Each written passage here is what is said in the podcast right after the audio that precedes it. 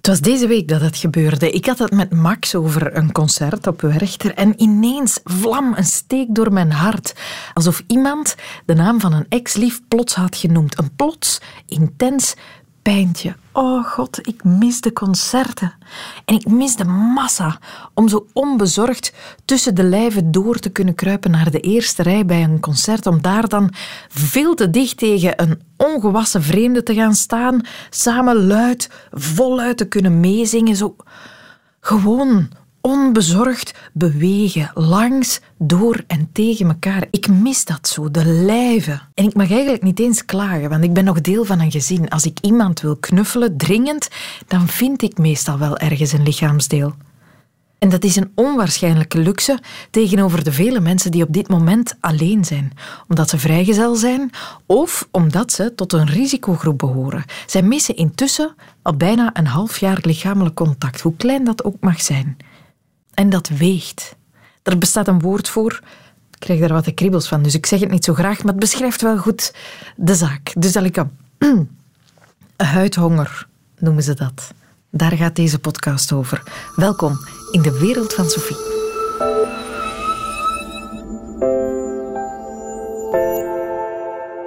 Je moet je dat eens proberen in te beelden. Om maandenlang niemand aan te raken door niemand aangeraakt te worden. Alleenstaande Anne, ja, die hoeft zich dat niet in te beelden. Zij weet perfect hoe dat is. Um, de laatste keer dat ik iemand heb vastgepakt was net voor de lockdown op 13 eh, maart. De zondag daarvoor had ik afgesproken met een vriendin die ik toch wel anderhalf jaar niet meer gezien had. Uh, in een chockvol uh, Mechels cafeetje waar een jazzconcertje te horen was. En ja, dat is de laatste keer dat ik iemand heb vastgepakt. En door iemand ben vastgepakt. Want ja, we waren wel blij om elkaar te zien. Uh, dat is eigenlijk wel heel raar hè, om te beseffen dat je eigenlijk al, ja, zes maanden is het nu zeker, niemand meer hebt vastgepakt.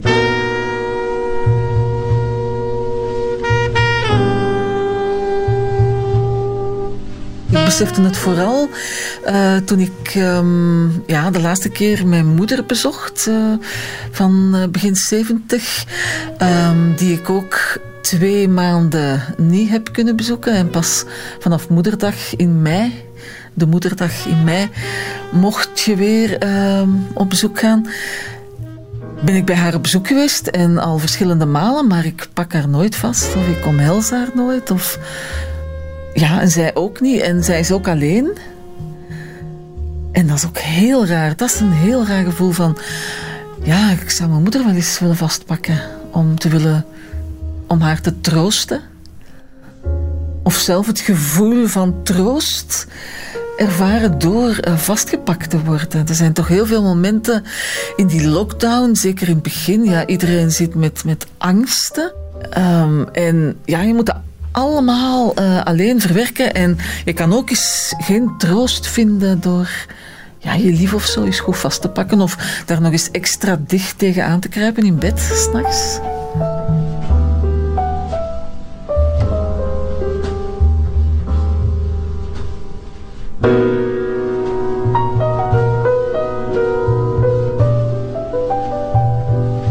Um, ik sluit me daar vooraf. Um, voor die gedachte van eigenlijk um, ben ik al maanden niet meer door iemand aangeraakt. Uh, al is het maar eens een hand gegeven of al is het maar eens op het werk. Heb je ook altijd wel collega's die tactiel zijn, die zoal eens uh, je rug masseren. Um, of zoiets. En uh, ja, ik sluit me daar gewoon helemaal van af. Laat staan liefdevolle aanrakingen van iemand van uw lief um, zo tederheid van uw lief. Ja, ik sluit me daar vooraf, want anders is het dan niet draaglijk, denk ik, als je, als je daar te veel over nadenkt.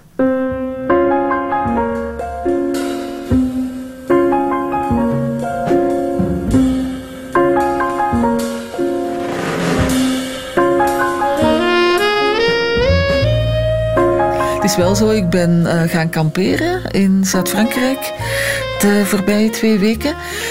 Ja, dan speelt die huidhonger toch wel eens zo hard op, alhoewel ik dat een vreselijk woord vind.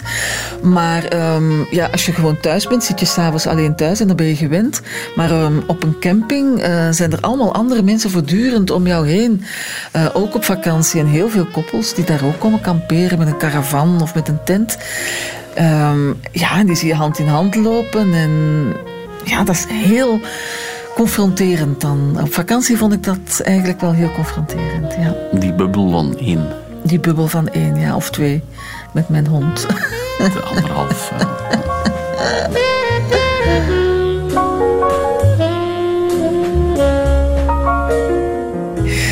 uh, ja, die pak ik nu soms wel eens extra vast. Of ik, dat is een kleine hond, dus ik kan hem optillen.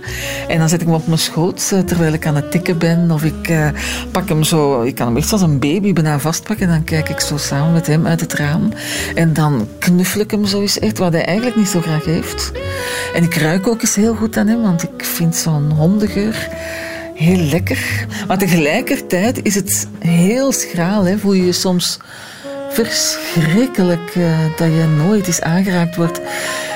Ja, het gaat zelfs zo ver dat je jezelf soms eens streelt. Um, dat je eens met je hand over je wang wrijft om nog eens te voelen hoe dat voelt als iemand dat doet. En dat is toch niet hetzelfde hoor? Dat is niet hetzelfde, nee. nee.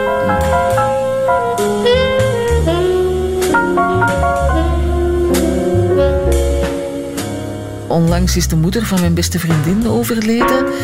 Um, um, ik kende die moeder ook al van kind af aan. Ja, je gaat naar de begrafenis, um, maar je raakt elkaar niet aan. Je troost je vriendin niet fysiek. Er is een koffietafel uh, van een paar uur, maar er wordt niet te emotioneel gedaan. Uh, of dat gebeurt gewoon, gebeurde gewoon niet. Misschien ook om willen van het feit dat je afstand moet houden. Dus dat is iets, een klik in je hoofd die je maakt.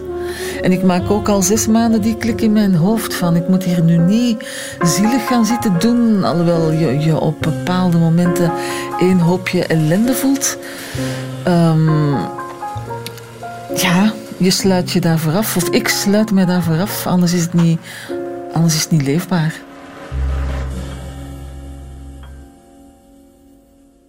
Niet te lang bij stilstaan of je wordt gek. Dat is wat geen fysiek contact met je doet. Zo essentieel blijkt dat voor ons te zijn. Dat merken heel veel mensen. Nu we allemaal actief moeten gaan nadenken over wie we wel en niet mogen aanraken. Zit je in een bubbel, ja of nee? Nee? Ah, dan moeten we bij een begroeting op afstand blijven en ongemakkelijk giechelend met onze elleboog zwaaien. Ik heb zelfs deze week met iemand gekniezwaaid. Zes maanden, dat went toch niet, hè? Het lichaam wil toch heel graag dichterbij komen, een vriendin zien en die niet is kunnen vastpakken. Iemand die droevig is, niet kunnen troosten. Een collega die onnozel doet, is niet op zijn bakjes kunnen slaan. Dat is niet waar. Maar het went niet. Die nood aan fysiek contact van de mens is al op vele manieren beschreven, in studies aangetoond, bestudeerd. Maar geen studie zo opmerkelijk als die van Harry Harlow, een psycholoog uit Wisconsin, Verenigde Staten. Het woord huidhonger bestond dan wel nog niet, maar Harlow deed er in de jaren 50 wel al onderzoek naar. De manier waarop hij dat deed, daar valt wel een stevig boompje over op te zetten. Bart Bogaert vertelt. Als u vandaag in 26 minuten en 55 seconden niets te doen hebt, dan moet u eens naar de film Mother Love kijken op YouTube. The search for new knowledge about our universe, our world and ourselves. Of weet u wat, misschien moet u het niet doen. Tenzij misschien dat u van het sadistisch treiteren van weerloze kleine rhesusaapjes voor wetenschappelijke doeleinden type bent. Dan wel. De film is gemaakt in 1959 en gaat, eens dit lichtjes kabbelende muziekje klaar is, over de experimenten van de legendarische dokter Harry Harlow, die eigenlijk Harry Israel heette maar dat de Joods vond klinken. Maar daar hebben we het een andere keer over. Harry Harlow dus, een psycholoog aan de Universiteit van Wisconsin-Madison, wou in die tijd onderzoek doen naar afhankelijkheidsrelaties, naar de effecten van scheiding tussen ouder en kind, naar hechting, naar wat moederliefde nu precies inhoudt. From Sappho to Oscar Hammerstein, love has been the province of the poet. Its elusive nature has occupied and entertained audiences for thousands of years. But what is it? En omdat je dat nu eenmaal niet met echte kinderen kan testen, Now, obviously, in doing these researches, we cannot use real human mothers and human babies. deed hij het met die kleine, zachte, lieve rhesusaapjes. This monkey is an orphan, separated from his mother since the day of his birth. De film is een netjes vooraf uitgeschreven interview tussen reporter Charles Collingwood en Dr. Harlow zelf, dat de heren in perfecte dictie en met lichte zin voor overacting performen. Met tussenwoordjes en al. Exactly. Harlow legt uit dat hij tientallen aapjes maandenlang heeft opgesloten in kooien, waarin hij twee metalen namaakmoederapen had geplaatst. Now, this is the wire mother. This is the cloth mother. It is only a wire mother with a cloth cover. Eén metalen aap met een melkflesje waaraan het aapje kan zogen en een andere metalen aap met een fluffy lap stof erover, maar zonder melk. To which mother is there an emotional response? I can't imagine that they would make an emotional response to either one of them. Well, let's look and see. De onderzoeksvraag What is an infant's love for its mother? Is het zogen of is het lichaamswarmte, geborgenheid? De aapjes bleken 9 tot 10 uur per dag op de bestofte surrogaatmoeder te gaan zitten. Oh, he's going back. He's back on the cloth mother, and he'll stay on the cloth mother. En minder dan een uur op de metalen aap. Conclusie? Contact comfort completely overwhelmed and overshadowed all other variables, including those of nursing. Contact, warmte is belangrijker voor de moederband dan moedermelk. Reporter Collingwood is niet tevreden. Of tenminste zijn script zegt dat hij niet tevreden mag zijn. En dus komt er een zeer kritische vraag. But is this really love?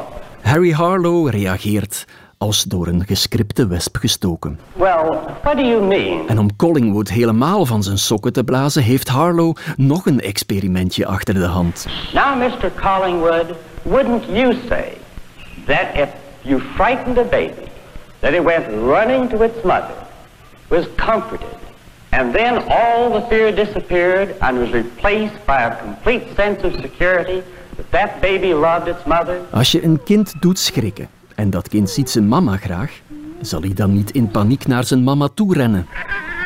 Daar heeft Collingwood niets tegen in te brengen. Sure. All right. Denkt Harlow, laten we dat proberen. Let's find out what his reactions to his mother are when we frighten him. En hij haalt een vreselijk grommend speelgoedmonster met lange wenkbrauwen en vervaarlijk glimmende metalen tanden boven, scared, all right. dat hij bij het nietsvermoedende rhesusaapje plaatst. That looks diabolical. Met diabolisch genoegen zet Harlow het monster en het aapje samen. Collingwood kijkt gniffelend, maar altijd met het script voor ogen, toe. Certainly, one thing we mean is that it gets a great feeling of security in the presence of the mother. Harlow toont met dit experiment aan dat de aap in momenten van hevige angst altijd voor de met stof beklede metalen aap zal kiezen om troost te zoeken. En hij maakt het nog erger door met zichtbaar genoegen obstakels tussen de aap en de troostende surrogaatmoeder te plaatsen. Now, let's put a monkey into the room. Terwijl de aap panisch schreeuwt, kan er bij Collingwood een gescript grapje vanaf.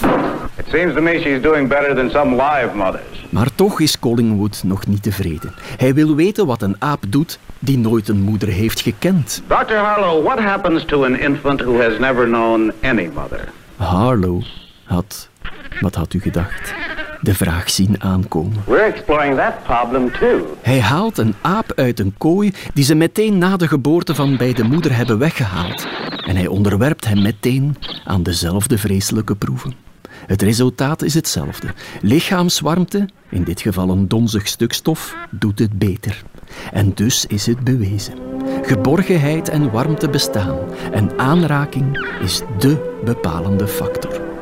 Collingwood is onder de indruk en is klaar, terwijl het kabbelende muziekje weer opkomt, voor een moraliserende afsluiter. Thank you, Dr. Harlow. I suppose that we've all been in love, or want to be. We all know what it feels like, but we don't know what it is. Today we've seen how Dr. Harlow and his associates at the University of Wisconsin have learned something about love. They hope to learn more, because there can hardly be an emotion more important for man. And until man knows himself, he can know nothing. Harry Harlow kreeg veel kritiek voor zijn onethische praktijken en de experimenten waren een aanleiding voor de oprichting van de Animal Liberation Movement in de Verenigde Staten. Maar hij kreeg in 1967 daarentegen wel de National Medal of Science voor zijn uitzonderlijke wetenschappelijke verdiensten. Bart Bogaert over Harry Harlow. Niet de enige wetenschapper eigenlijk, die, hoewel hij dan op bedenkelijke wijze, die bewees hoe essentieel de aanraking is voor de hechting tussen moeder en kind. Dat zien ze ook elke dag, bijvoorbeeld op de afdeling van de vroeggeboortes van het UZ Leuven. Ze moedigen daar de ouders aan om de couveuse kindjes zo vaak mogelijk bij zich te nemen voor goed, intens, langdurig huid-op-huid contact. Kangoeroe-uurtjes noemen ze dat. En die zijn voor de baby's letterlijk van levensbelang. Lotte de Kaluwe ging er langs voor een gesprek met professor neonatologie Anne de Beer en met enkele kersverse ouders. Uh,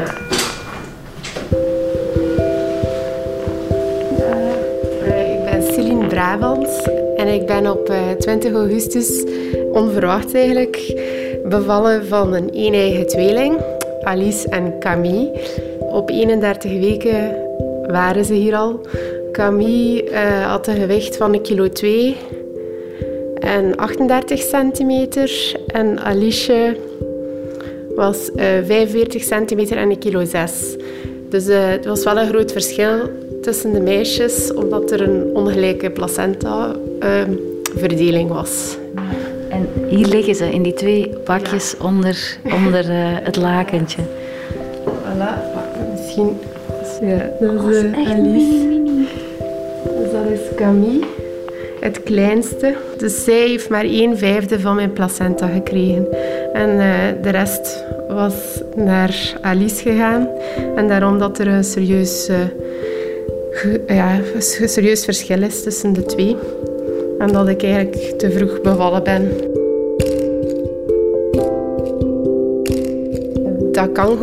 Dat hebben ze ons eigenlijk meteen aanbevolen. En ik stond daar zeker voor open en mijn man ook. Dat we toch een band kunnen beginnen opbouwen met onze dochtertjes. Eh, want die een band gebeurt eerst en vooral via fysiek contact, via knuffelen, aanrakingen. Ehm, en dat is fantastisch dat dat ook al kan gebeuren op zo'n vroeg stadium. De meeste kindjes die hier liggen gaan binnen de eerste 24 uur al op de huid van hun mama of hun papa uh, terechtkomen, omdat we weten dat dan ja, onder andere het risico op uh, sterfte minder is het risico op ernstige infecties, het risico op allerlei andere ernstige verwikkelingen. En ook op hele lange termijn, zelfs als die kinderen 10 of 20 jaar oud zijn, zien we wanneer ze dat hebben kunnen meemaken na de geboorte, dat ze beter met stress kunnen omgaan, dat hun emotionele ontwikkeling beter is. Dat heeft echt effecten op hun hersenontwikkeling en op hun algemene ontwikkeling op lange termijn. Dat is ook een beetje verschieten in het begin.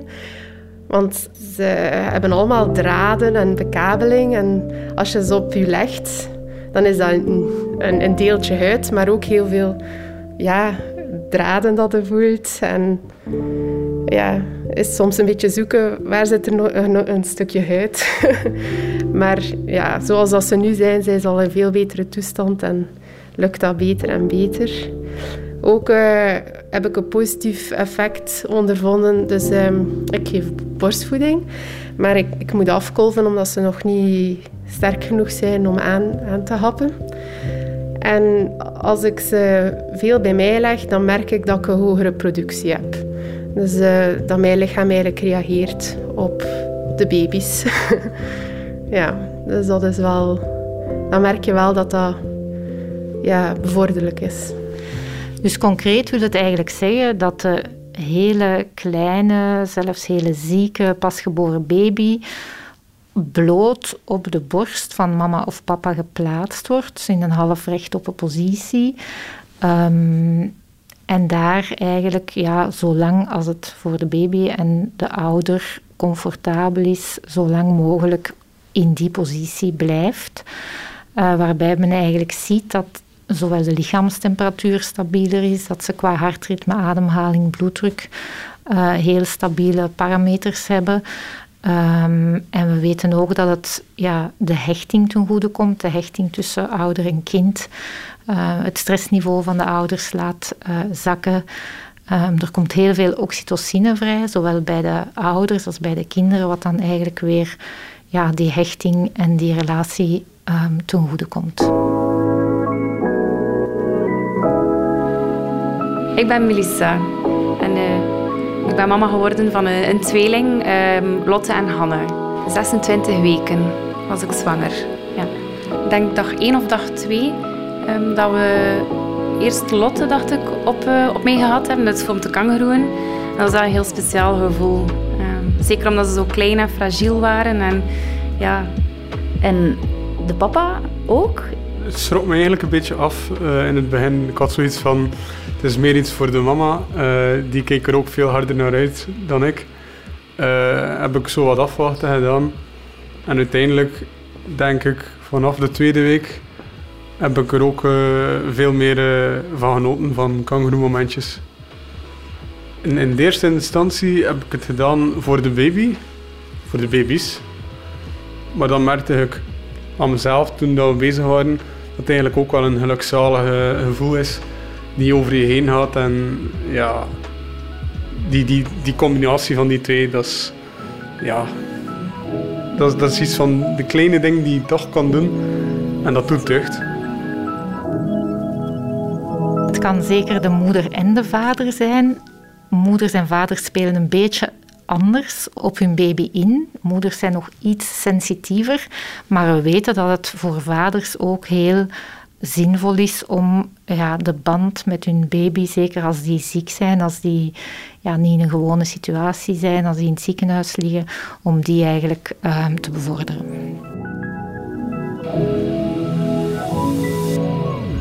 Eigenlijk, nu heb ik mijn hand op haar armpjes, dus omdat ze nog zo klein zijn, kunnen ze nog niet goed de controle beheersen over hun armpjes. Dus uh, door mijn hand op, hun arm, allez, op haar armpjes te leggen, hou ik ze dicht bij haar lichaampje, dat ze weer het geborgen gevoel heeft, zoals in mijn buik. En je kan ook je hand op het hoofdje leggen. Dat is eigenlijk, ja, vooral ja, alles is voor dat geborgen gevoel terug te creëren. Dat ze veilig voelen. Ja, ze worden daar echt ja, rustig van. Hé. je merkt dat wel. Ja, het lijkt zo eenvoudig. Uh, en het, is echt, uh, het heeft echt effecten die we met al onze medische, technische zaken uh, niet kunnen nabootsen. Dus zeker een noodzakelijke aanvulling daarop. We proberen het dus eigenlijk zoveel en zo lang mogelijk te doen wat dat binnen de mogelijkheden van de ouders en het kind ligt. En de kinderen worden niet losgekoppeld van hun apparatuur. Hè. Ze gaan met alle draadjes en buisjes worden ze voorzichtig verplaatst. En die verplaatsing op zich kan soms wel wat belastend zijn voor het kind. En daarom is het belangrijk dat ze minimaal een uur, maar liefst een paar uur, uh, dan op de huid van papa of mama kunnen blijven. We proberen elke dag te komen. Maar ja, we komen van iets verder naar Leuven. Wij komen vanuit West-Vlaanderen. En elke dag probeer ik dan te kangeroeven met eentje. Dus de ene dag is het Hanne, de andere dag Lotte. Um, gecombineerd met de papa die dan de andere dochter doet. Dat is zo een van de weinige momentjes dat ik me dan echt als mama voel.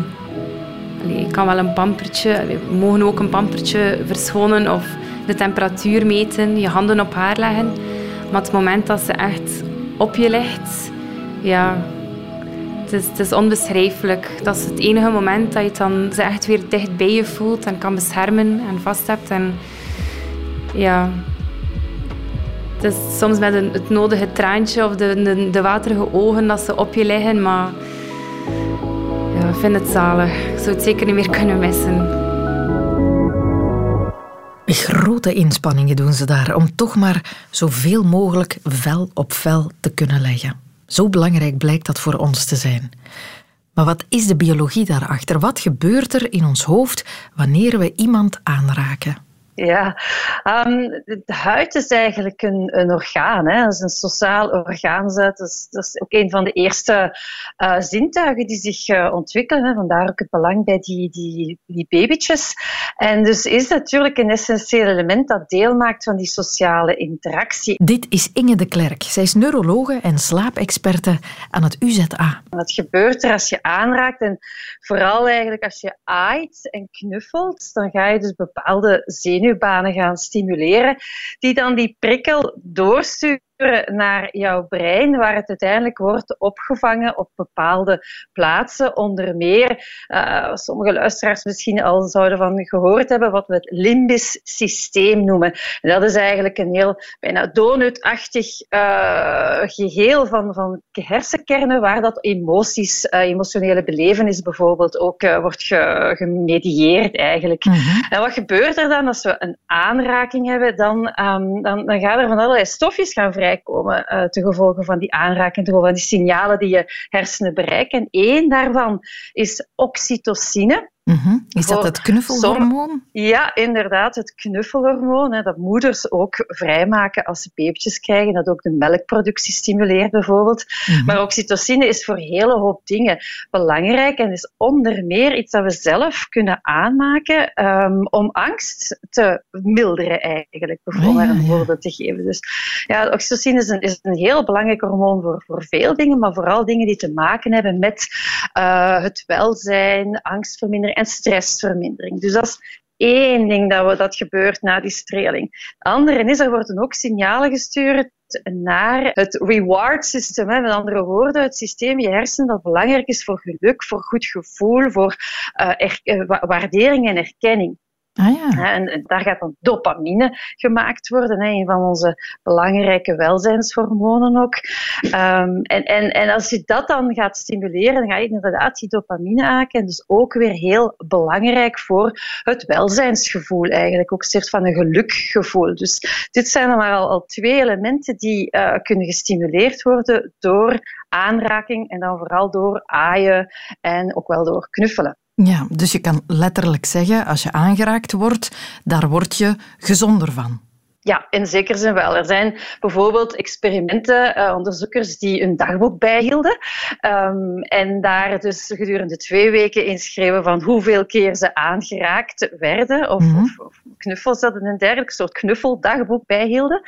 En dan ook um, uh, gelinkt naar uh, hoeveel keer ze ziek werden. Ik denk dat er zelfs ook een experiment was dat ze in aanraking gebracht werden met een virus en bleek dat degenen die veel knuffelden minder vatbaar waren voor infecties. Wow. Dus je zou kunnen zeggen dat het een soort van een protectie is voor jouw immuunsysteem. Ja, ja, het maakt je weerbaarder tegen allerhande ja. negatieve impulsen. Ja. Ja. Moet het dan telkens over de grote aanraking gaan, de dikke knuffel of zelfs een vrijpartij? Of maken ook kleine uh, aanrakingen een verschil? Een handdruk, een klop op de rug? Ja, ja, een aaitje bijvoorbeeld. Uh, ja, dus vooral aaien. Dus de zachte streling eigenlijk kan ook al voldoende zijn. Uh, want daar ga je dus die hele specifieke zenuwbanen bij stimuleren, waarvoor ons brein extra gevoelig is. En vooral die systemen die ik net uitgelegd heb. Enerzijds het, het soort van het rewarding systeem, het geluksysteem, dat de dopamine vrijkomt. En anderzijds dat die oxytocine vrijkomt. Ja. Dus dat is de,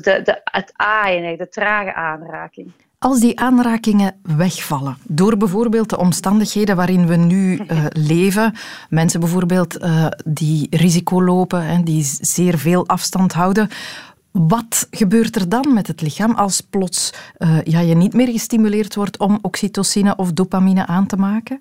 Natuurlijk gaan we uh, die dingen ook aanmaken via andere wegen. Hè? Maar, um, dus er zijn, er zijn al alternatieven. Maar het, het probleem is dat er niet genoeg sociaal contact is. Want gewoon sociaal contact op zich zorgt ook al voor oxytocine vrijmaken, bijvoorbeeld. Maar dus als er onvoldoende van dat soort stimulaties is, dan ja, het is, die, die stimulaties zijn ook belangrijk voor uh, je, je stresssysteem te verminderen. En, een ander belangrijk element dat daarmee gepaard gaat, is ook het, het deeltje van ons autonoom zenuwstelsel dat ons doet ontspannen eigenlijk. Het parasympathisch systeem gaat ook gestimuleerd worden. Dus eigenlijk alles komt erop neer dat er eigenlijk meer stressreacties in je lichaam zijn. Dus stresshormonen zoals cortisol gaan dan eigenlijk minder weggewerkt worden. Dus het is eigenlijk een soort van een extra stress voor je lichaam. En dus in die zin um, kan het negatief zijn voor je. En dus ja, minder, minder positief gevoel, minder welzijn, minder blij gevoel.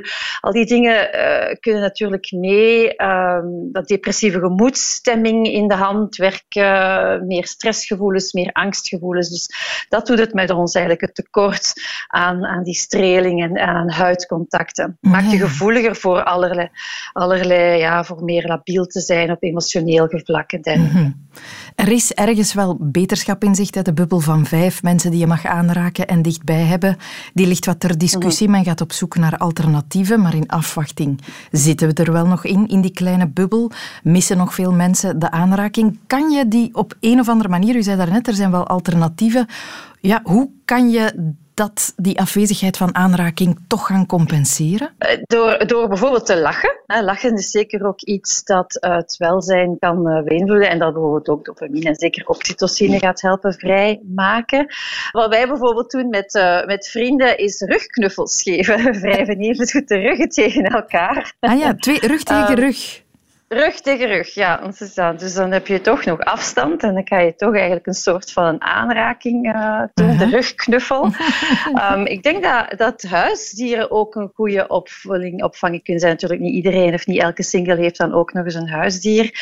Um, inbeelden dat je aangeraakt wordt zou ook al kunnen helpen. Ah, jezelf strelen, want dat doen we eigenlijk niet, denk ik, um, jezelf strelen eigenlijk. Maar dus dat, dat kan ook al een, eenzelfde uh, invloed hebben. Dus jezelf gewoon eens zachtjes gaan strelen, ah bijvoorbeeld. Toch wel. Het is niet zo dat je lichaam dan denkt, kom jongens, dit geloof ik niet, dit ben je gewoon zelf. Er zijn bijvoorbeeld experimenten waar, uh, waar dat, dat toch duidelijk wordt dat zelfstimulatie, dus dat dat wel helpt, blijkbaar ook. Ja. met ratten? Uh, gaat, is dat met ja, ratten? Met ja. ja, zo vraagt je af, hoe hebben ze dat dan gedaan, dat die ratten zichzelf konden aaien, maar goed. Ja, ik zie nu zo echt een kooitje met echt genietende ratten voor me. ja.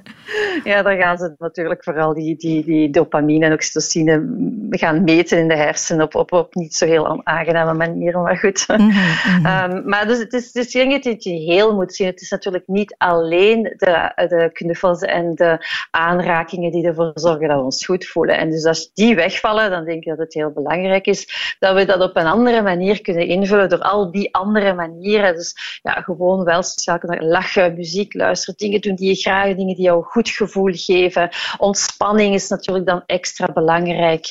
Praten over je angst, om er iets te zeggen. Dus mm al die mhm. elementen. Ja. Kunnen helpen, ja. Het lijkt, maar misschien moet ik voor mezelf spreken, het lijkt alsof we het heel lang wat onderschat hebben. Wat fysiek contact ons kan brengen. Dat we nu pas inzien dat dat toch een uh, essentieel deel is van ons leven. Ja, ja dat denk ik wel. Maar zoals met veel dingen nu uh, tijdens heel die coronacrisis, we gaan anders naar het onderwijs kijken. We gaan inderdaad uh, veel meer, het kleinste sociaal contact gaan we veel meer waarderen. Dus, dus uh, misschien eren we meer het kleine, dankzij dat ook.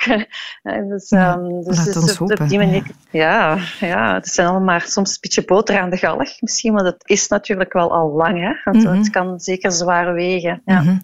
Heeft u het al gemerkt? in uw praktijk dat mensen uh, ja, die, die aanrakingen, die nabijheid van anderen aan het missen zijn? Ik heb wel patiënten over de vloer nu die, um, die daarover klagen. Ja. Die zich inderdaad eenzaam voelen en die uh, sociale isolatie nog versterkt wordt door het gebrek aan contact. Ja. Laat ons hopen dat, het, uh, dat de bubbel snel uitgebreid kan worden en dat we toch wat ja. meer uh, die nabijheid kunnen gaan opzoeken. Hè. Zeer interessant. Dankjewel voor uw tijd en moeite, neuroloog en slaapexperte aan het UZA, Inge de Klerk. Met veel plezier, dag. Geef maar toe. Die ratjes zitten ook in uw hoofd. Lekker op hun rugje, zichzelf strelend met hun heel korte pootjes. Houd dat beeld maar vast. Als het u een glimlach bezorgde, dan is dat nu eens net wat u in deze tijden nodig had. Zie? De wereld van Sophie.